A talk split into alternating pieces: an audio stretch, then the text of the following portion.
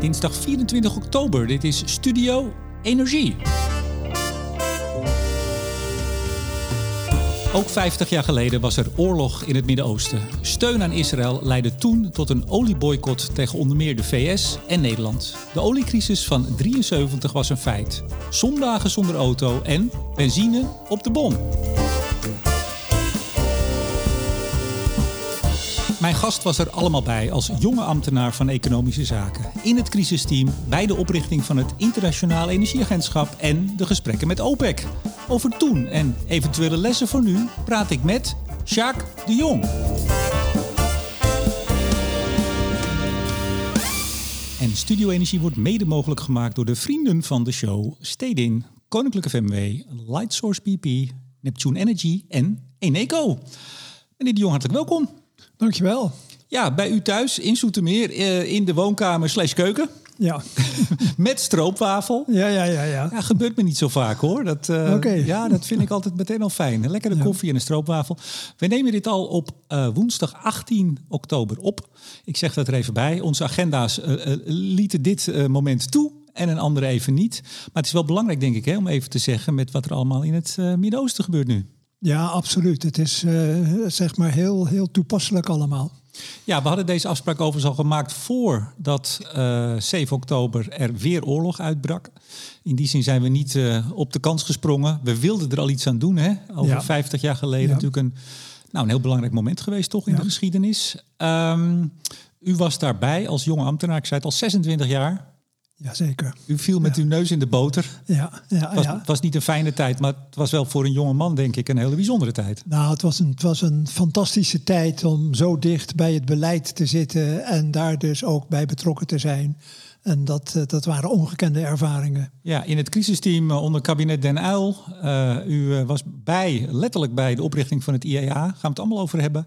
Gesprekken met OPEC, ik zeg het maar vast, die falikant mislukte. Maar ja. er zijn wel goede ja. verhalen over te vertellen. Ja. Um, heftige tijd. Had u toen al door, toen u daar als 26-jarige bij zat, dat dat een heftige tijd was? Nou, zeker. Uh, er was natuurlijk wel een, een, uh, zeg maar een precedent in die zin dat we al eens een keer een, uh, een oliecrisis hadden gehad in 1956. Ook met autoloze, ja. autoloze zondagen. En dat als kind herinner ik mij dat nog. Al was het ook omdat mijn opa een vrijstelling had gekregen om op zondag te mogen rijden. Kijk eens aan. En ik herinner mij 73, omdat ik toen uh, wonend in Amsterdam op een snelweg liep. Oké. Okay. Daar zijn van die foto's van, maar dat deden we ook echt. Ja, ja, ja. Eigenlijk ja. bizar natuurlijk, want voor hetzelfde had rijdt er nog één. Maar, ja, ja, ja, ja, maar goed, um, daar gaan we het allemaal over hebben, uiteraard. Ik zie er erg naar uit. Kijk, ik heb erg uitgekeken naar ons gesprek, zeg ik vast. Uh, maar eerst nog even wat er van u geworden is. Want ik kan me zo voorstellen dat niet iedereen meteen zegt... ah, Jacques de Jong, die ken ik. Uh, u bent alweer even uit actieve dienst, zeggen we dan? Ja, ja, ja. ja. Uh, zal ik zeggen wat u bent geworden of gaat u zelf het hele cv doornemen? nou ja, nou ja, kom erop. nou, u, u, bent daarna, bent u, uh, ja, ik pak natuurlijk een lijstje erbij, het briefje erbij, adjunct directeur op EZ. de energiechef, zeg ik dan? Ik, ik, nou, laat ik het even dan precies zo zeggen allemaal. Ik heb dus tot uh, eind jaren 70 heb ik olie gedaan. Ja. Uh, ik ben in 81 of zo ben ik uh, plaatsvanger directeur elektriciteit kernenergie geworden. Ja, en met zeker. name dus kernenergie. en dat was dus de tijd van de brede maatschappelijke discussie. En Tsjernobyl en alles wat daar verder aan vast had. Dat was fascinerend om dat mee te hebben mogen maken. Met veel pijn in de buik overigens. Hè? Want dat waren wel zware klappen die we dus ook beleidsmatig moesten, moesten verwerken. En dat heb ik gedaan tot pakweg 94. Wacht, wacht even, zware klappen te verwerken, hoezo? Nou, weet je, als je zeg maar met je team en met je mensen en collega's keihard gewerkt hebt om een aantal dingen voor elkaar te krijgen qua besluitvorming. Uh, en het was dus met name voor die kerncentrales. Het lag allemaal klaar hè, om het een volgende stap te zetten. En toen gebeurde Tsjernobyl. En van de ene dag op de andere dag ging dat hele dossier gewoon de ijskast in. Ja, ja, you win some, you lose some, zeggen ze in het Engels. Zo is dat, ja. ja. U ging door. U werd uh, directeur in 98 van de dienst Toezicht en Uitvoering Elektriciteitswet. Ja. U werd de eerste toezichthouder in Nederland van de energiemarkt. Regulator. Energy Market Regulator. Ja, en toen gingen we ook nog Europa in, want u was medeoprichter van de Europese Club van Regulators. Ja, ja de CER. Dat, dat, dat, dat waren ook fantastisch interessante tijden, want dat was natuurlijk allemaal nieuw terrein waar we mee te maken kregen. Ja, van tweede, vanaf 2003 bij het Klingendaal International Energy Program. U bent daar nu honorary fellow. Ja. Nou, dan heb je wat bereikt. Ja, nou ja, vooruit. Ja, wel zeker. u hebt nog tot 2010 de Nederlandse overheid geadviseerd, als het cv klopt, ja. op energiezaken. En u bent nog steeds heel actief. U bent uh, voorzitter van de stichting Kernenergie en Energietransitie. Energietransitie en kernenergie, die volgorde. Is het zo? Ja. Ja, ik heb het op mijn lijstje staan, SEK, dat weet ik. Maar waarom zeg ik het dan verkeerd om? Nou ja, je zegt kernenergie en energie. Nee, zei verkeerd. Energietransitie en kernenergie. Ja, ja dat, dat, dat, is de context. Hè? Want de energietransitie is heel erg belangrijk en is hartstikke noodzakelijk. Mhm. ja, en kernenergie speelt daar dus, dient daar dus een rol in te spelen. Ja, ik kwam u laatst nog tegen in de Telegraaf, geloof ik, een paar maanden geleden. Die vroeg u ook hè, hoe het nou moest met kernenergie verder en uh, de rol daarvan. Ja, ze weten me af en toe nog wel te vinden. Ja, nou en ik ook. ja. Dus daar zijn we. We gaan naar 73. En dat was geen vrolijke tijd. Nee. Uh, de Yom Kippur-oorlog was uitgebroken. Ja, dat zagen we natuurlijk 7 oktober dit jaar. Uh, eh, 50 jaar en precies één dag geleden was die oorlog. Uh, Egypte en Syrië vielen Israël binnen. wilden eigenlijk hun land, ja, hun land terug, wat in 67 door Israël was veroverd. Marokko, Irak, Algerije, Kuwait, Saudi-Arabië deed ook mee aan die oorlog. Heb ik begrepen. Ik heb het ook met het overlevering.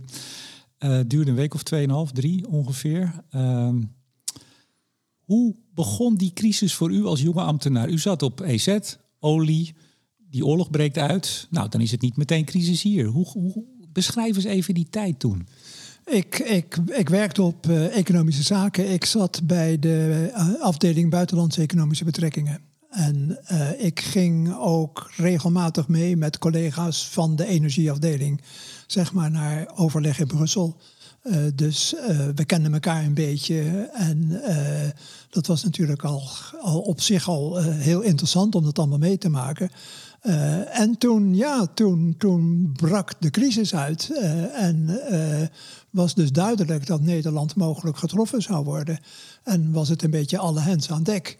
en dat ervaarde ik in die zin dat ik zeg maar op een dag weet niet meer precies welke dag dat was, was ik aan het eind van de ochtend, werd ik dus verordoneerd om mij eh, te melden bij de secretaris-generaal. Dus de hoogste baas op het departement. Zo ging het nog, hè? Verordoneren. Ja, ja, ja, Frans Rutte, meneer Rutte. Ja. En meneer Rutte zei tegen mij van, uh, nou ja, u, u, u, zit daar mooi op uw plaats en uh, u hoort ook tot het uh, groepje ambtenaren dat af en toe maar eens moet gaan roleren. En nou ja, en op de oliedirectie is uw naam genoemd om in deze crisistijd hen verder te helpen. Dus bij deze, u gaat daar naartoe en ik zeg, nou ja, ja, prima. Ik zeg per wanneer? Hij zegt nu. Ja, dus, meneer, zei u. ja, Nou ja, zo kom je er dan ineens terecht. Maar, maar, maar, heel even, want um, die oorlog breekt uit. Ja. Uh, eh, 6 oktober 73. Ja. Uh, wanneer werd duidelijk, want we hebben het al steeds over crisis. Hè? Nou, er ja. zijn ook nog de meningen over verdeeld. Hadden we nou wel een crisis? U gaat straks het antwoord geven. Hadden we nou echt wel eigenlijk een oliecrisis? Ja. Viel wel een beetje mee, zeggen we vast. Kleine spoiler. Maar wat is het moment dat er in Nederland werd gedacht... want je kan zeggen, ja, dat is ver van ons bed. En de olie stroomde nog. Wanneer begon het nou een beetje penibel te worden? Nou, het begon penibel te worden omdat er allerlei informatie eh, zeg maar, kwam uh, waaruit bleek dus dat de Arabische olieproducenten van plan waren om uh, olie als politiek wapen in te zetten, met name gericht tegen die landen die dus Israël aan het steunen waren. En dat waren wij en de Verenigde Staten. Dat waren wij en daar waren meer Europese landen natuurlijk. Maar om daar een heel duidelijk signaal voor af te geven, besloten ze om de, om de uitvoer van olie om die dus, uh, en dat was dus eigenlijk een generieke maatregel, om alle uitvoer van olie, mm om die dus uh, de komende maand met 5% te verminderen. En vervolgens elke maand daarop weer 5% verder te verminderen. En gaandeweg dat proces van een aantal dagen werd besloten om drie landen, om die dus eh, extra zeg maar, te pakken. En dat waren de Amerikanen, en dat was Nederland en dat was Denemarken. Uh, en die zouden worden geboycott. Want wat, wat hadden wij dan gedaan dat wij extra gestraft moeten? Waren ons zeer achter Israël opgesteld, hè? Wij uh, uitgesproken uh, zeer achter Israël opgesteld. En uh, nou ja, het verhaal gaat dat er dus een grote solidariteitsmars gehouden werd in Amsterdam. En dat op de eerste rij de Nederlandse minister van Defensie, en dat was Henk Vredeling, zeg maar voorop liep. en dat was natuurlijk een heel sterk politiek signaal. Ja, nou, um, de uitvoer ging al naar beneden. Nou, de prijs is tegen, neem ik dan aan. Nou, dat was een aparte uh, besluit wat genomen werd. Want kijk, het, het, rommelde al een tijdje voor die tijd ook in de verhoudingen tussen de grote oliemaatschappij aan de ene kant en, en OPEC aan de andere kant. OPEC was ergens halverwege de jaren 60 opgericht. Uh, Venezuela was daar dus een van de grote uh, drivers voor. en men probeerde, probeerde, dus met elkaar hè, als een soort kartel eigenlijk de, de, de, de prijs zeg maar voor hen aantrekkelijker te doen zijn.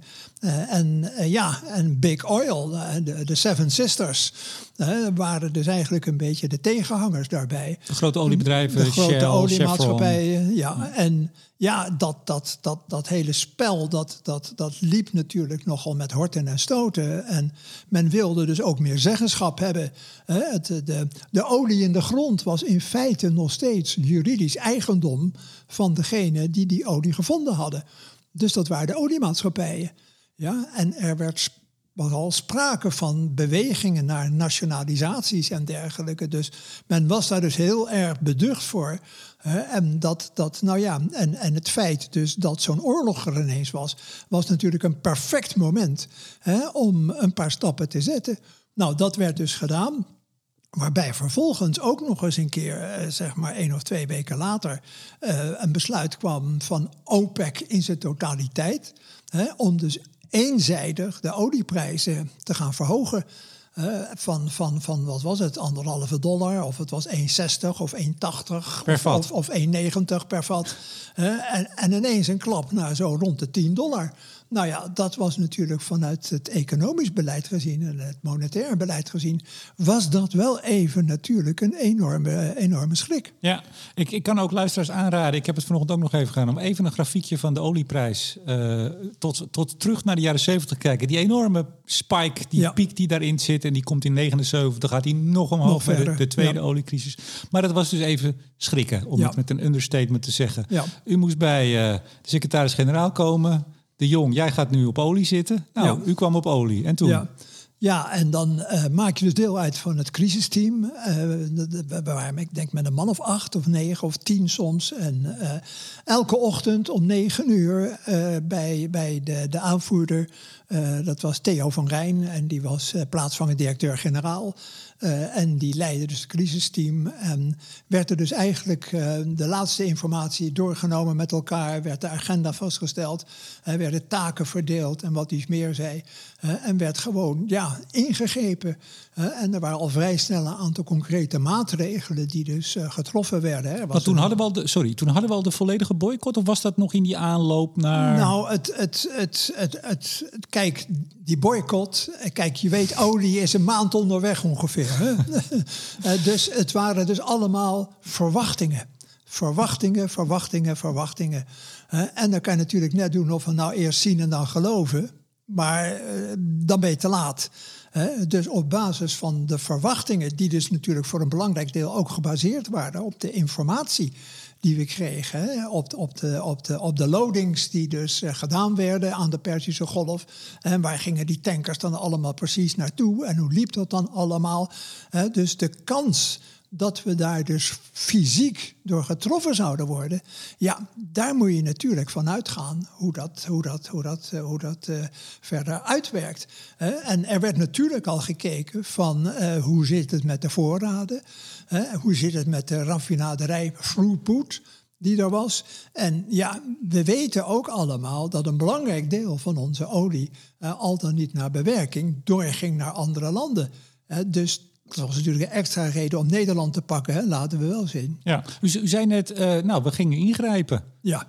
Kunt u eens wat voorbeelden geven van ja, waar, waar nou, het kleine Nederland wat, ging ingrijpen? Wat, wat, wat, al heel snel natuurlijk gebeurde, was het, uh, het, het, oude maatregel van de autoloze zondag. Mhm. Die dus ingevoerd werd. Er werd een Rijksbureau voor aardolieproducten. Uh, werd, werd weer, ja, uh, bedoel, dat, dat, dat, dat waren dingen, oude draaiboeken uit de oorlog zelfs nog. Ja, in 1939 hadden we ook al autoloze zondagen. Precies, en die werden dan weer zeg maar uh, ingevoerd. En er was dus ook een rijksbureau wat werd opgericht. En er werden dus mensen, zeg maar, verordeneerd om daar te gaan werken. en eerlijk gezegd, er kwamen ook een aantal experts terecht... die dus van de olieindustrie zelf afkomstig waren. want je moet natuurlijk wel weten waar het precies uh, over gaat. Nou ja, dus een autoloze zondag werd ingevoerd... Hè, met een vergunningensysteem daarbij. er werd dus een afvoerbeperking, een leveringsbeperking van 15 procent, mind you verordeneerd. Dus dat betekent dat de oliemaatschappijen aan hun klanten gingen korten. Ja, 15% minder. Nou, en wat gebeurt er dan? Je hebt natuurlijk niet alleen maar dus de pompen van Shell en Exxon en, en die andere. Je hebt ook nog eens een keer de witte pompen, hè, zoals ze toen genoemd werden. Ja. En dat waren natuurlijk onafhankelijke handelaren. Uh, en ja, wat gebeurt daar dan precies mee? En ik herinner mij uh, dat dat dus een groot punt van aandacht was. En dat tijdens dat crisisoverleg soms wel, wel drie of vier keer werd gezegd van... ja, die meneer van die pomp is aan de, aan, aan de lijn. En, en die staat droog en er moet wat gebeuren. en, de, de jong erop af, nou ja, dan. Nou ja, ik bedoel... dus dus de, die, die, ik zou bijna zeggen, die thrill... die, die, die, die, die merkt je natuurlijk ook, ook, uh, ook heel sterk daarbij. En een ander punt was van, uh, ja, wat gebeurt er met onze export naar Duitsland en naar België van de producten? Mm -hmm. gaan we dat blokkeren? Maar uh, kan dat? Dat willen we niet. Ja, wat is de rol van Brussel daarbij? Eenheidsmarkt, vrij verkeer. dat was toen in feite ook al min of meer het geval. en toen werd er dus eigenlijk heel snel gewerkt aan de invoering van een, van een vergunningensysteem. Ja, we komen straks op het IEA, want dat was nou zo'n oplossing om te zeggen we moeten voortaan samenwerken in ja, landen, zeker in Europa. Daar, daar komen we zo. Maar um, er was oorlog. Uh, er werd de, de olie-export uh, uh, werd teruggebracht. De prijs ging omhoog. het was nog even afwachten hoe dat Nederland nou echt zou raken. Maar de, de spanning en de angst zat er in die zin goed in. Kabinet bij de pinken, crisisteam, de jong erin, onder andere, en nog een aantal mensen. Um, dat, dat gebeurde allemaal. Werd er ook aangedrongen op energiebesparing bijvoorbeeld? Ja, ja, zeker. Het is niet alleen olie, niet alleen nee, nee, op de weg. Nou ja, eh, de befaamde eh, speech van uh, Ja. mensen, doe de gordijnen dicht. en er werd ook gesproken over wat moeten we doen zeg maar, met de productie van plastic. kunnen we nog wel onze plastic vuilniszakken uh, blijven gebruiken. Hè? Moeten we daar niet een, een, een punt achter zetten? Hè? Op, op, alle vlakken werd eigenlijk gekeken hoe en wat. Want ik begreep ook dat uh, op een gegeven moment uh, Ruud Lubbers, toen minister van Economische Zaken, die had een vraag gekregen van een Engelse journalist over de reclameverlichting die nog brandde. Ik, ik, neem even een slokje water. Ja, neem een slokje water, zeker. Um, ja, ik heb dat door de kabouters horen influisteren, dat dat, dat, dat, speelde. Klopt, dat klopt. U neemt even een slokje. Dan kunt u even nadenken over wat er toen gebeurde in het crisisteam. Ja, dat, uh, er was dus uh, zeg maar die vraag van Lubbers gekomen. En die vond van moeten we daar niet wat aan gaan doen? Hè? Want het, uh, dat waren de weken voor kerst en Sinterklaas. En dat was natuurlijk allemaal vrolijkheid overdag.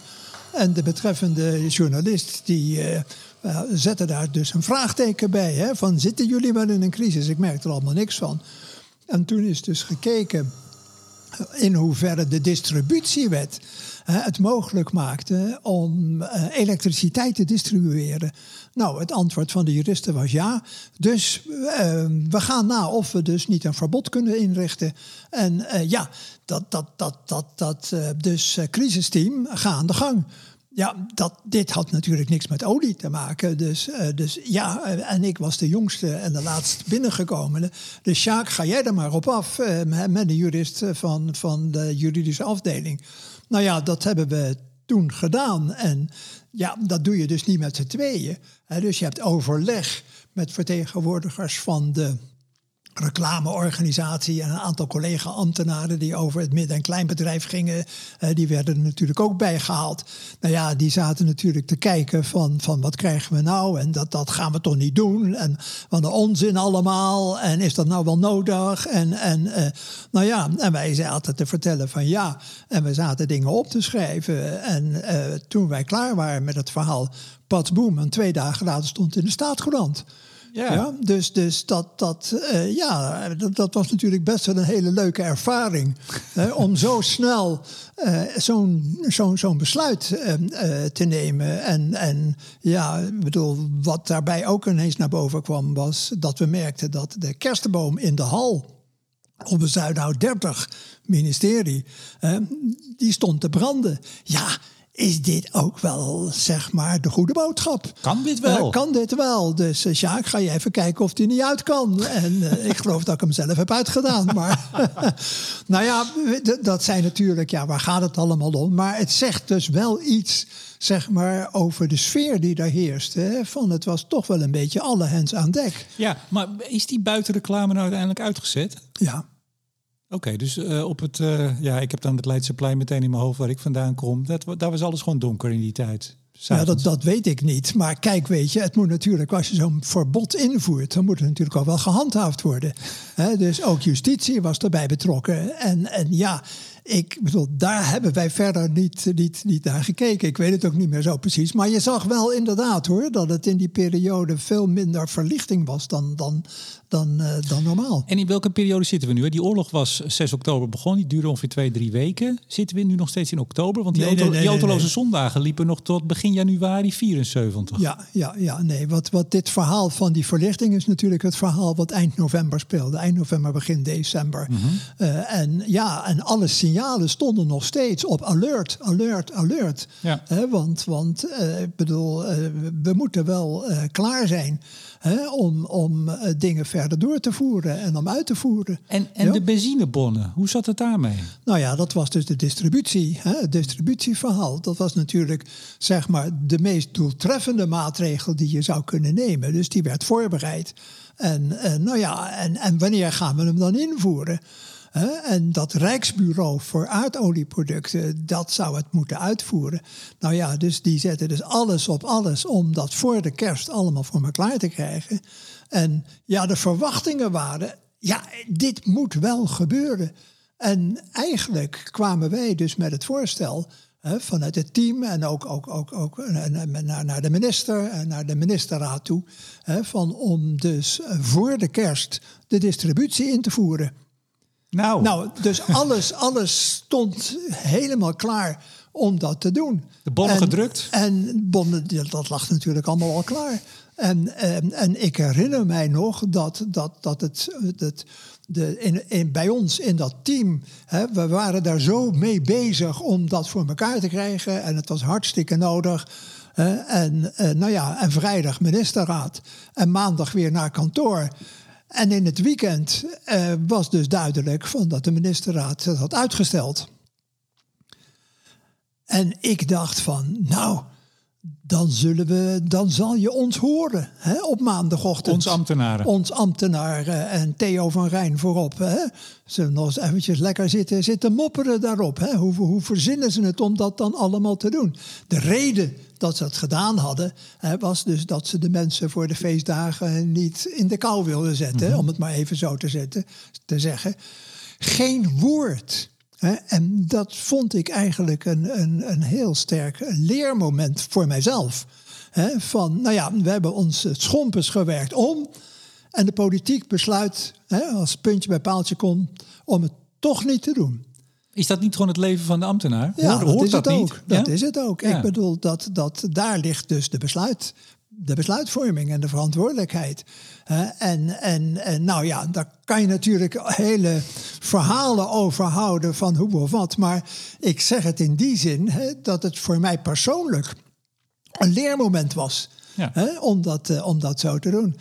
Maar daar, daarom is het ook zo, uh, want er wordt natuurlijk altijd, of altijd, dat is een beetje cliché, hè, van ambtenaren is dat lui en die doen niks en zo. Maar goede ambtenaren, ik heb er ook een aantal mogen leren kennen de afgelopen jaren, zijn ontzettend belangrijk. Hebben een hele hele belangrijke rol. Absoluut. Deskundig ter zake, weten exact hoe het zit en zijn loyaal. Als het goed is. Ja, ja nou ja, inderdaad. Ik bedoel dat, uh, en ze werken zich uh, een ongeluk hoor. Ik bedoel dat uh, slapende ambtenaren heb ik nooit gezien. Nee, we gaan er even, ik zou bijna zeggen, een eind aan maken aan de crisis. Want we, gaan, we hebben nog meer te bespreken. Maar uiteindelijk is dit de boek ingegaan als de eerste Nederlandse oliecrisis. Dat was hij niet, maar oh Allah. Uh, uiteindelijk heb ik altijd begrepen dat met name Shell wel gezorgd heeft dat het eigenlijk nooit zo'n vaart is gaan lopen. Klopt dat, meneer de Jong? Ik zit nu tegenover iemand die exact weet hoe het zit. U pakt een boekje erbij met een klein rood boekje. Niet dat kleine rode boekje, maar een ander klein rood boekje. Nou kijk, uh, ik heb nog eventjes uh, gekeken naar, naar de, de, de, de, cijfers en dergelijke. En dat de verwachting dus was dat uh, de crude aanvoer in het eerste kwartaal... Ruwe olie, ja. 74, 40% minder zou zijn. Dat de throughput van de raffinaderijen 40% minder zou zijn. Dat de output van nafta gemaximeerd zou worden, chemische industrie. Dat dat natuurlijk effect op de mix van de andere producten. 50% reductie productmix. en dat onder, op basis van een normale verbruiksontwikkeling, zoals die dus verondersteld werd. Mm 5% besparing voldoende zou moeten zijn om dit op te vangen. plus een switch van olie naar gas in je centrales. Nou, Arie van der Hek van de Partij van de Arbeid heeft later, eh, begin 74, een rapportje gemaakt waarbij, waarbij hij aantoonde, volgens hem, dat het allemaal flauwekul was. Ja? Nou, daar is een hele discussie over gekomen. We hebben daar dus heel serieus naar gekeken. en eh, waarbij dus elke keer toch gezegd werd van, van kijk meneer Van der Hek, die focuste op cijfers over het aanbod. Maar die keek niet naar wat er daadwerkelijk werd aangevoerd in Rotterdam. En daar zat een verschil tussen. Hè? Mhm. En dat was één punt. En bovendien hè, suggereerde hij dat de olieindustrie daar een beetje mee had zitten rommelen. Maar er is dus uh, twee of drie maanden in 74 uh, was er dus een rapport uitgebracht van de Federal Energy Agency in de United States. Waarbij dus de rol van de Seven Sisters werd beoordeeld. De grote oliebedrijven. De grote oliebedrijven. En nou quote ik even. They, US Oil, dramatically increased flows of flexible oil to the United States, especially from Iran, Nigeria en Indonesia, die dus niet meededen met die boycott. Er kwam andere olie aan, ja. They redirected embargoed crudes to Europe and appeared to rely on Shell to take care of the Netherlands. Ja, dus Shell heeft ons. Ja, ja. en het is later door Wagner is dat ook, uh, is dat ook uh, bevestigd. De oud Shell-topman. De, ja, de topman. Ja. ja. Uit welk boekje zit u trouwens nu voor te lezen? Dat is een, gewoon een, een, een, een, een, hoe heet het, een schrijfboekje van mezelf. Oh, van uzelf? ja, joh. Oh, ik dacht, ja. omdat er zo'n leuke voorkant op staat. Ik dacht, het is een uh, gedrukt boekje. nee, nee, nee. nee, nee, ja. nee. Um, dus eigenlijk uh, samenvattend, uh, corrigeert u mij als ik het verkeerd zeg, uh, liep het eigenlijk met de sis eraf? Nou, achteraf gezien moet je constateren dus dat de crisis kwam te paard en ging te voet. Ja. Ik vond het een mooie, mooie uitdrukking. ja, zo, zo, zo, gaat het vaker hoor. Ja. ja. want want ik, ik zei in de intro, kunnen we hier lessen van leren? Ik wou het misschien aan het eind doen, maar zijn hier al nu gewoon belangrijke lessen voor ons? u zag dat als jonge ambtenaar. Wat zijn de lessen? Nou, de lessen zijn natuurlijk dat je dus uh, zeg maar, je informatie goed op orde moet hebben. Hè, als Rijksoverheid. Uh, en dat de oliemarkt, en zeker in die tijd, en eigenlijk nog steeds uh, dermate belangrijk is, uh, dat je ook uh, als rijksoverheid heel goed moet weten zeg maar, hoe die oliemarkt in elkaar zit. Want kijk, olie is natuurlijk, het is niet alleen maar benzine. Mm hè? Ik bedoel, dat, dat, dat, het is een heel uh, complex uh, aan infrastructuur, aan, aan, aan, aan raffinageproductie, uh, aan, aan oliestromen, aan kwaliteiten. Hè? Want elke ruwe oliesoort vanuit een bepaalde bron is niet dezelfde als een ruwe oliesoort uit een andere bron. Hè? Hebben allemaal hun specifieke kenmerken en eigenschappen. Nou ja, daar moet je wel een beetje uh, grip op hebben. Een beetje, beetje, beetje voelen van hoe dat allemaal in elkaar zit. Uh, en ja, ik bedoel, het schijnt zo te zijn, en ik weet het niet precies. dus dat de deskundigheid op dit moment bij het departement nog wel eens te wensen overlaat. Hè? Van, van hoe ziet nou zo'n oliemarkt in elkaar? Ja, ik heb wel eens begrepen dat iemand zei dat die olieafdeling waar u vroeger zat, uh, bij wijze van spreken iemand uh, nog in de bezemkast ergens in de kelder. En die hebben ze weer uh, tot leven moeten wekken toen het weer een beetje spannend werd. Nou ja, dat, dit was ook een van de klachten van Arie van der Hek. Die dus in zijn rapportje had aangegeven van dat, de, dat de, de, de bemanning van de directie olie... Ja, was niet meer dan anderhalve man en een paardenkop. Ja. Waarop wij naar elkaar zaten te kijken, waar is die paardenkop? dus, dus dat, ja, maar het is ook wel logisch natuurlijk, hè? als alles lekker gaat. Ja, zo gaat het toch. Ja. Nou ja, zoals heel pijnlijk, zoals Israël ook in slaap was gesust tot 7 oktober en dacht het valt allemaal mee. Hè? Er komt een soort gewenning. Nou goed, die lessen zijn in ieder geval geleerd. En zo niet, dan zijn ze nu bij deze, in deze podcast nog geleerd. Eens een keer. Nog eens een keer. Maar er is nog een hele belangrijke les geleerd en die werd ook ten uitvoer gebracht. Het IEA werd eind 74, november 74 geloof ik, officieel opgericht. Ja. Want ja. het Westen met name zei, dit moet ons niet op deze manier nog een keer overkomen. Nee, Hoe ging dat? Nee, nou, kijk, er waren principeafspraken om elkaar te helpen als er een olieprobleem zou zijn bij de aanvoer. En die waren gemaakt in het kader van de OESO, de OECD. Die werkte niet. Bleek, bleek in 74, in 73. Bleek in 73 al. Hè? Want uh, de, een onderdeel van die afspraken was een soort olieverdeelschema om elkaar bij te staan. Ja? Maar dat werd dus niet in werking gezet, want daar had je politieke besluitvorming voor nodig. Dat was er dus niet. Ging niet op. Ja? Nou, wat vervolgens gebeurde, en dat was eigenlijk een initiatief wat begin 74 genomen werd. Henry Kissinger. Good old Henry Kissinger en had al eerder signalen gegeven dat het interessant zou zijn, dat het belangrijk zou zijn, wanneer dus de, de westerse wereld zeg maar meer zou gaan werken aan samenwerking. Hè? Niet alleen op oliegebied, maar ook op energiegebied. En er werd dus een, een begin februari 1974 eh, een grote eh, conferentie gehouden in Washington. Eh, waar dus bijna alle OESO-landen eh, voor uitgenodigd waren.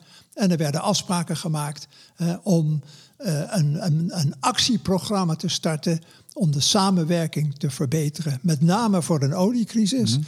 En dat zou uitgewerkt moeten gaan worden door een, uh, nou ja, een club hoge ambtenaren.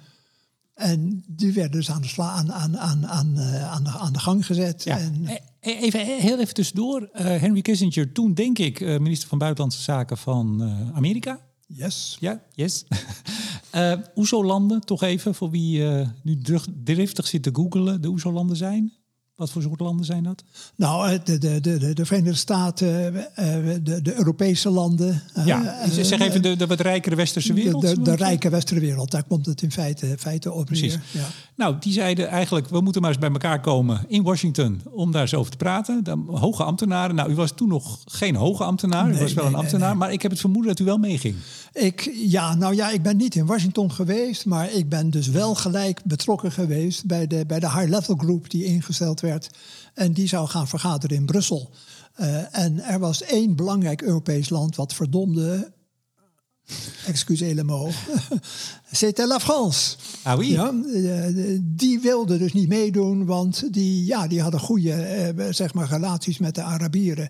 Uh, en wilden dus niet de indruk wekken alsof er dus een front gevormd zou worden, wat dus tegen OPEC zou zijn. Hè? want OPEC was eigenlijk Saudi-Arabië, OPEC, nou ja. In belangrijke mate. In belangrijke nog mate. Steeds en nog steeds eigenlijk zo. De Golfstaten, Algerije, een hardliner hoor. Algerije in die tijd mhm. ook volop. Dus de Fransen deden niet mee. En we werden dus aan het werk gezet in, in, in Brussel onder eigenlijk eh, de, waarom in Brussel? Nou ja, de Belgen die, die boden gelijk Brussel aan als, als locatie. Eh, en die kwamen dus ook eh, aan met, die waren ook bereid om het voorzitterschap te doen. En die schoven hun eigen ambassadeur bij de OESO naar voren. En dat was een meneer Roger Ockrent. En dan zit je daar in zo'n eerste bijeenkomst en wat gaat er gebeuren? En dan ontdek je dus dat die voorzitter bloednerveus was. uh, ja, en we lachen er nou een beetje om, maar de tweede samenkomst uh, zou hij ook doen, maar die heeft hij niet gehaald, want de man is overleden oh, uh, de, aan de vooravond van die bijeenkomst. Hij kreeg een hartaanval en uh, over en uit. Ik dacht dat u een leuk verhaal ging vertellen over nou, dat iemand een beetje nerveus was, maar die man die was gewoon ziek waarschijnlijk. Ja, nou ja, maar dus toen kwamen de Belgen met met uh, uh, Etienne Davillon aan. En Davillon, uh, zeker voor mensen van mijn generatie, is waarschijnlijk een hele zware naam. Een Belgische topambtenaar. en een beetje een wiskit. Uh, kleurrijk figuur, zeg je Kleurrijk figuur. En die heeft eigenlijk fantastisch, zeg maar, dat hele proces, zeg maar, gerund. om het voor elkaar te krijgen. Want het meest cruciale punt was als je een olieverdeelschema maakt, dan wil je het zodanig hebben ingericht eh, dat er dus niet een politieke blokkade kan komen om het in werking te stellen. En dat was met name voor ons land, hè, was dat een heel zwaar punt hè, om dat voor elkaar te krijgen. En de Amerikanen gingen daar eigenlijk nolens volens tegen wil en dank een beetje in mee. En de rest van de landen eigenlijk ook. dus dat is vastgelegd in het, eh, in het, eh, in het IEA-verdrag. Mooi crisisschema met, met crisisverdeelschema. Aantal bindende afspraken maken daar dus onderdeel van uit. en wanneer dus de feitelijke informatie zou aantonen dat het serieus is, dat we een tekort zouden voorzien, ja, dan gaat dus het schema in werking. dan de trigger moet dus automatisch zijn, objectief meetbaar. Nou ja, en wie zou dat dan moeten meten? Nou ja, dat is dus dan degene die de leiding geeft aan dat nieuwe agentschap wat daarvoor werd opgericht. En dat is de International Energy Agency. Kijk, en vandaag is dat nog steeds good old Fatih Birol. Ja? En als die dus constateert van er is een serieus risico hè, dat er dus dingen verkeerd gaan, dan zetten we het schema in werking. Ja, ik zeg nog even tegen de nieuwe luisteraars. Uh, ook te gast geweest hier bij Studio Energie. Ik vond het een ontzettend leuk, ook best wel een moeilijk gesprek. Want het is, dat is wel iemand hè, die er dan binnenkomt. Het is een autoriteit. Ja, is die zeker. Ik zou zeggen, de, de leider van de, de westerse olie-consumerende landen. Ja, ja. nou kijk. Dat is een hele leuke man ook. Erg veel humor, ja, maar terzijde. Ja, ja, ja. Nou, het, het, het, is wel heel leuk uh, om dan uh, gewoon even aan te geven dat toen het agentschap er kwam, het moest natuurlijk bevolkt worden. En uh, ja, de Duitsers die speelden daar een belangrijke rol bij en die schoven dus hun directeur-generaal energie naar voren. En dat was Ulf Landske. En, en de Amerikanen hebben altijd in de OESO-context zeg maar, het recht om de nummer twee te leveren. Nou, dat was Wally Hopkins. Uh, daar zijn kleurrijke verhalen over die twee uh, natuurlijk uh, aan te geven. Maar, even, maar ze hebben dus mij gevraagd of ik dus niet wilde gaan werken op de crisisafdeling. Ja, u had ervaring, zeggen we dan. Ik, ik, en, en ja, ik, ik zat ook een beetje in die delegatie. En, en nou ja, en je kent me nou een klein beetje. Ik, ik, ik laat me ook wel gelden, dus ik, ik kon ook wel wat te melden hebben en dergelijke. Maar ik heb het geweigerd. Ik heb het geweigerd. Ik heb het niet gedaan. Nederland had u nog nodig? Nou ja, kijk, maar persoonlijk uh, speelt dat natuurlijk ook wel een rol van hoe ga, ga je daar wel of niet uh, gaan zitten. Dus, dus dat, uh, ja, want, want even waar, want inmiddels zit het IAA in Parijs. Frankrijk wilde niet meedoen met die hele club. Hoe is dat gebeurd dan? Nou, dat is dus gebeurd. Van, oorspronkelijk wilden de Amerikanen daar dus een nieuwe organisatie voor oprichten. Maar Europa vond dat niet nodig, want we hebben de OESO. Mm En het OESO Charter biedt de mogelijkheid om onder hoofdstuk 2, zeg maar, aparte organisaties toe te voegen aan de OESO-samenwerking. En er zijn er dus twee. Ik geloof voor zover ik weet vandaag zijn het er nog steeds twee. Heel apart hoor. De eerste, dat is de Nuclear Energy Agency. Mm Is ook een onderdeel van de OECD. En het IEA is ook een onderdeel van de OECD. Dus zitten allemaal onder dat, onder dat charter. Nou, en we konden dat eigenlijk ook al vanuit Den Haag wel een beetje goed begeleiden. Want de secretaris-generaal van de OESO in die tijd was good old Emiel van Lennep. En het was een Nederlander. Ja, dus dat waren wel allerlei 1 tweetjes die dus aan de gang waren. En de Fransen, ja, die hebben dat gewoon geaccepteerd. Ja. En zijn later lid geworden. Hè? Dat, dat dan weer wel. Dat heeft wel twintig jaar geduurd. Maar, eh. ja, dat, dat kan even duren bij die Fransen. Hè? als die helemaal iets besloten hebben. Maar even dus, dus dat, uh, dat crisismechanisme wat automatisch wordt getriggerd... als het uh, volgens objectieve standaard nodig is. Er kwam ook een verplichting voor een, de strategische oliereserve. Hè? Die komt ook voort uit dat overleg? Ja, nou, er was al eerder natuurlijk een verplichting... ook op Europees niveau geregeld...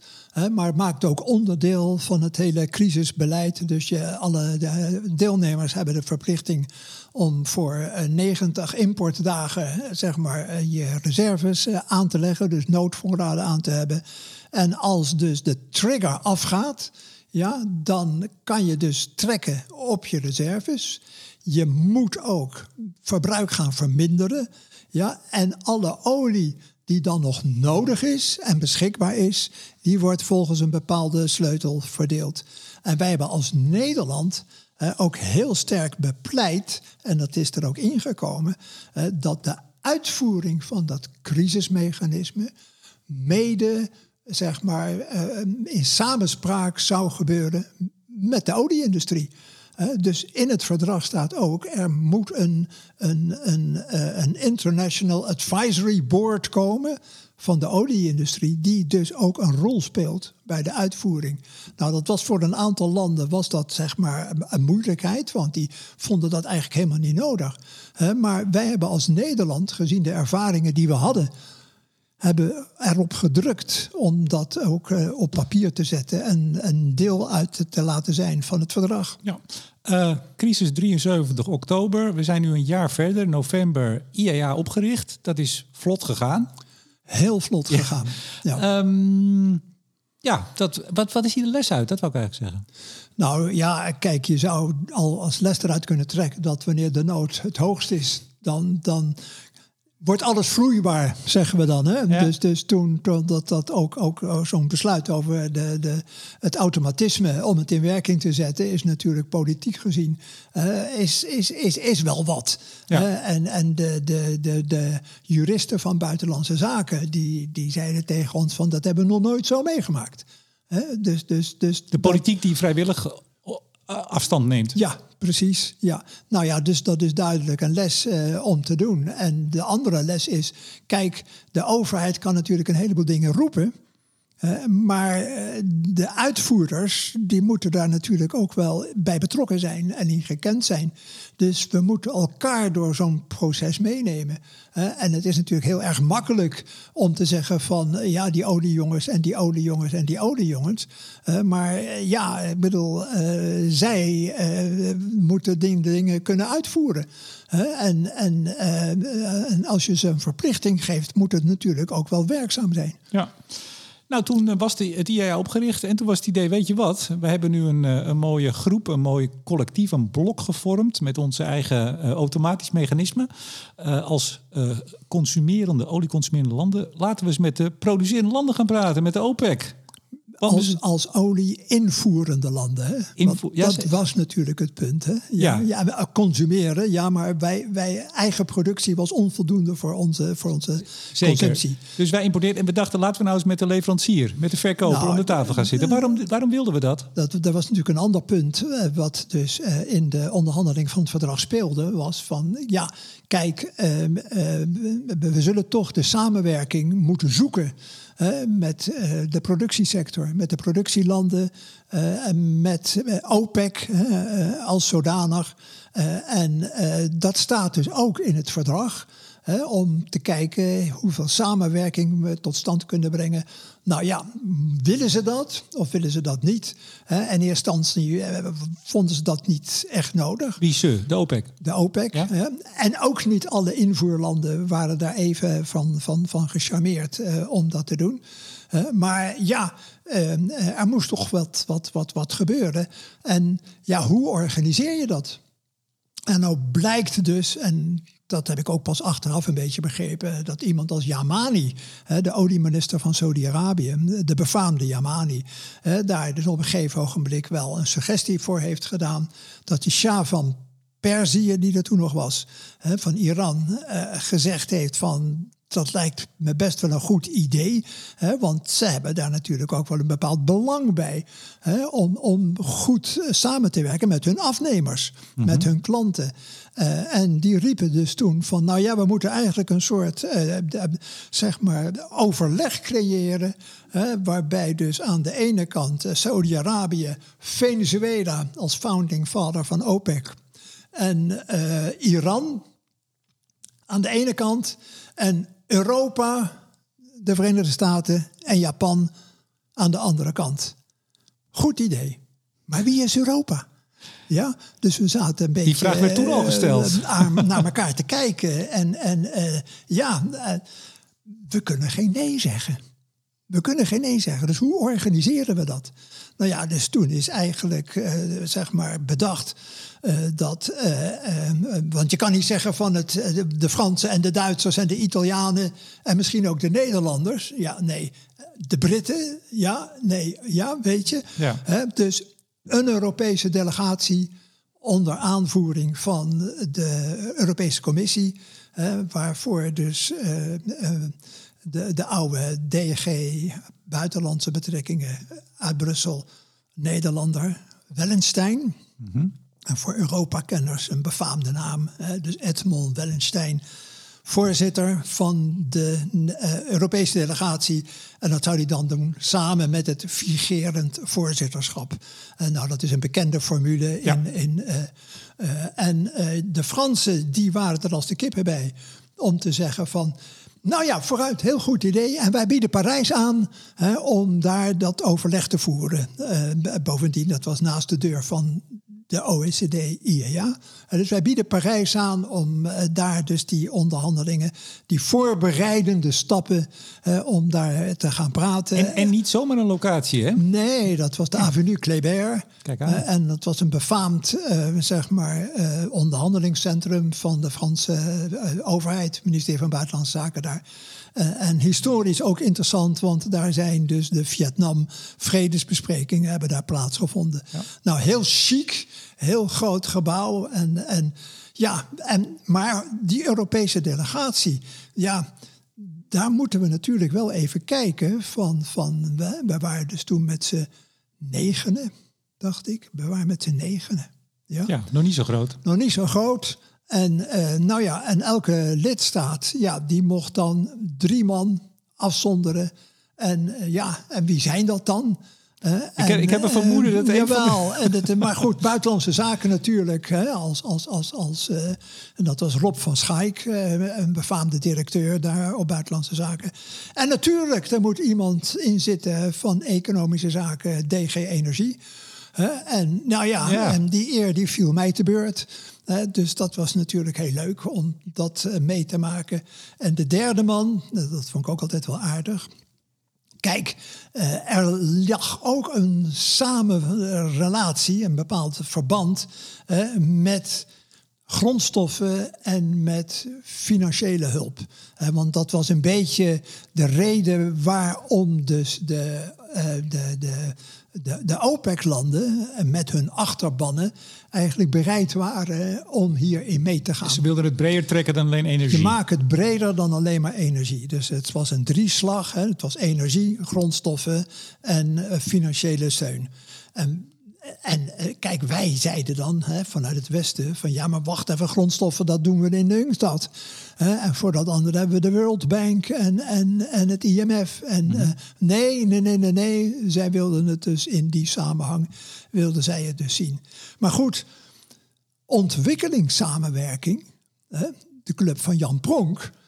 Dat waren hele bevlogen uh, ambtenaren, jonge ambtenaren die daar zaten. Die vonden dat zij dus de derde man moesten zijn. Nou, dat, dat ehm, ehm, werd dus niet geaccepteerd. Uh, en uh, dus, het was, werd dus iemand van de, van de hè, dus van onze permanente vertegenwoordiging bij de OECD, mm werd dus met z'n drieën daar naartoe. Nou ja, dat hele voortraject dat, dat, dat, dat, dat preparatory conference, hè, om, om zeg maar, te onderhandelen over van hoe gaan we het gesprek organiseren, wat natuurlijk een punt is. Mhm. dat, dat, eh, dat, eh, nou ja, dat zou dus drie dagen duren, die, die prepcon, maar het, eh, het werd dus anderhalve week. en en nou ja, de Fransen raakten dus door de voorraden aan whisky heen. Dus dat, dat, oh, dat is een probleem. Dat werd een, dat werd een probleem. Maar goed, dus het duurde wel even een tijdje voordat dat allemaal tot stand kwam. En dat was echt ook een, een, proces van vallen en opstaan, kan ik je vertellen. Ja, ik heb alleen aan het begin natuurlijk al gezegd van deze podcast dat die gesprekken uiteindelijk mislukt zijn. Ja, ja nou ja. Want het, het, het, kwam eigenlijk, het, het ging nergens heen. Zeg ik even nou, kijk, in die zin, uh, de, het waren dus drie onderwerpen. Ja? En in al die drie onderwerpen werden dus commissies gecreëerd die dus opdracht kregen om dingen uit te werken. Hè, van waar kunnen we het over doen? Nou ja, het heeft dus een paar jaar geduurd. Uh, en het heeft een tijd stilgelegen. En toen is in, ik geloof 77 of zo, 76 of 77, is, is het op ministerieel niveau is er dus een nieuwe poging gedaan om tot een afronding te komen. Ja, wat wilden wij nou bereiken ja. bij olie? Ja, en de grootste zorg zat hem in de prijsvorming en in de impact voor de economie. Daar ging, daar ging de grootste zorg. En de onvoorspelbaarheid die dat proces met zich meebracht. Het was niet zozeer het niveau, hè, maar we zochten dus naar een stabiel systeem van prijsvorming zodat investeerders zeg maar houvast zouden hebben in het hoe of wat. Nou, en ja, en er waren veel mensen die daar niet in geloofden, want die zeiden van het is de markt, het is de markt en het is de markt. Eh, maar we hebben vanuit Nederland toen zeg maar eh, ja, toch, toch een belangrijke rol gespeeld om te zeggen van we willen er een soort consultatiemechanisme uithalen waarbij dus de productie- en exportlanden aan de ene kant, lees OPEC, en de import-consumptielanden, lees het IEA, regelmatig rond de tafel zitten om met elkaar van gedachten te wisselen, zeg maar, over de ontwikkelingen in de wereldmarkt, ook op economisch gebied. En om met elkaar te bespreken wat voor rol dat zou kunnen hebben op de prijsvorming van olie. Nou, daar hebben we toen dingen voor op papier gezet. En er waren een aantal landen die daar dus eigenlijk niks in zagen. Want uh, ja, kijk, de markt is de markt is de markt. Uh, en wij zeiden van, nou, we moeten daar toch wel wat aan doen. Nou, hebben jullie een beter idee? Ja, uh, ja nou, dat hadden ze eigenlijk niet. dus die drieslag, die werd dus, daar werd dus aan gewerkt. En, bij de, bij de, en dat is een van mijn grote teleurstellingen geweest. Uh, was die ander. Uh, maar uh, als beleidsmaker dat het consultatiemechanisme wat we dus op tafel hadden gelegd en waar we als Nederland gewoon ons sterk voor hadden gemaakt, dat in de laatste fase van die onderhandelingen op ministerieel niveau en, en, aan de Nederlandse kant uh, was uh, Laurent Jan Brinkhorst, onze delegatieleider. En aan de Europese kant was het David Owen, de Britse minister van Buitenlandse Zaken. En er vonden toen een aantal overlegrondes plaats in zeer beperkte kaders, waar dus maar alleen maar de delegatieleiders bij betrokken waren. en voor Europa was het dus alleen maar David Owen en de man van de Europese Commissie. En, nou ja, en die kwamen dan regelmatig terug uh, in de kleine uurtjes en dat, dat, dat tot morgens vroeg en dergelijke. En elke keer werd aan de teksten wat afgedaan, werd verzwakt. Yamani was erbij betrokken en die kreeg zijn zin niet bij zijn medewerkers en dus die ging weg. En Ahmad Iran, ging ook weg. En het laatste slot papier wat op tafel ligt, en ik zou het nog bijna groot uit mijn hoofd kunnen citeren wat erin stond, hè, dat we dus uh, regelmatig in het kader van de Verenigde Naties, nou dan weet je helemaal niet wat er gebeurt, hè, in het kader van de Verenigde Naties uh, zouden we met elkaar consulteren over economische vraagstukken, waaronder de energy question. Nou ja, En dat stond toen op papier. En Laurent Jan die kijkt mij aan. En die zegt, wat vind je nou? Ik zeg, nou ja, ik zeg, ik vind dus dat er al veel te veel water in die wijn zit. Dus uh, hier hebben we niks aan. Dus uh, en dat vond hij eigenlijk ook. Uh, dus, en in de Europese delegatie zat natuurlijk allemaal naar ons te kijken. Hè? Want wij waren een beetje de gangmaker van dit proces. Zaten naar ons te kijken. Nou ja, Laurent Jan als eerste van, nou dit is te weinig. Dus we hoeven het niet te hebben. Hè? En de andere twee issues bij grondstoffen en bij financiën, die we dus hebben toegezegd, die laten we gewoon overeind staan. Nou ja, en dan zitten er een paar andere delegaties te roepen van... hadden we altijd al gedacht. Ik zei, ja, godverdomme. dat, dat. Dus ik was echt even een beetje ja, uh, ontdaan hè, om zeven uur s morgens... toen dus de, de stekker eruit werd getrokken. Na een nacht hangen en, op bankstellen en, en, en, en stoelen. gestopt hebben. Ja, ja, ja. Nou ja, dat kan je wel zeggen. Maar het waren mooie ervaringen en het was fantastische events. Waren Meneer de Jong, kunnen we hier nog lessen uittrekken... uit deze, eh, toch zeg maar even, mislukte onderhandelingen? Nou ja, in die, in die zin dat, kijk, we hebben natuurlijk wel gelijk gekregen. Want uh, zeg maar 10, 20 jaar later uh, bleken we met het, uh, het, het, International Energy Forum juist dat te hebben gekregen, gerealiseerd. Mm. Daar was Nederland ook een rol bij gespeeld. Annemarie Jorritsma in die tijd. waarbij we min of meer nou toch wel zo'n soort mechanisme hebben. Ja, ja. Dus toch gelukt, zeggen we dan. Dus uh, kijk, het heeft uh, soms uh, veel meer tijd nodig. En daar gaan soms, ik zou bijna zeggen, ambtelijke generaties overheen. ja, nou, we doen de rest van uw carrière, maar dat zei ik al aan het begin, zeer te kort door het alleen maar hierover te hebben. Maar wie weet, nog een andere keer. Nou ja, kijk, weet je, ik bedoel, de, de, de, ik zou bijna zeggen, de ambtelijke generaties. je weet nooit wat er verder met die kernenergie gebeurt. Ja, dat, dat, daar kunnen we ook weer een hele podcast over gaan opnemen. Nou, u bent nu in ieder geval bij de stichting SEK, zeg ik maar even. Dan zeg ik hem in ieder geval goed. Uh, ja, mooi. Mooie verhalen. Mooie tijd geweest, toch? Oké, zeker. Zeker, ja. Um, Jacques de Jong, ja, hoe moet ik u afkondigen? Ik zeg dan al nog even de functie, maar ik zou even niet weten wat ik nou voor functie moet zeggen bij u. Een actief betrokkenen bij het huidige eh, debat over energie en klimaat. Jacques de Jong, uh, huidig betrokken, et cetera, bij het debat. Hartelijk dank voor het gesprek. Graag gedaan. En uiteraard bedank ik ook jullie, beste luisteraars. En in het bijzonder alle vrienden van de show. Stede in, Koninklijke FMW, Lightsource BP, Neptune Energy en Eneco. Mijn naam is Remco de Boer. Graag tot volgende week.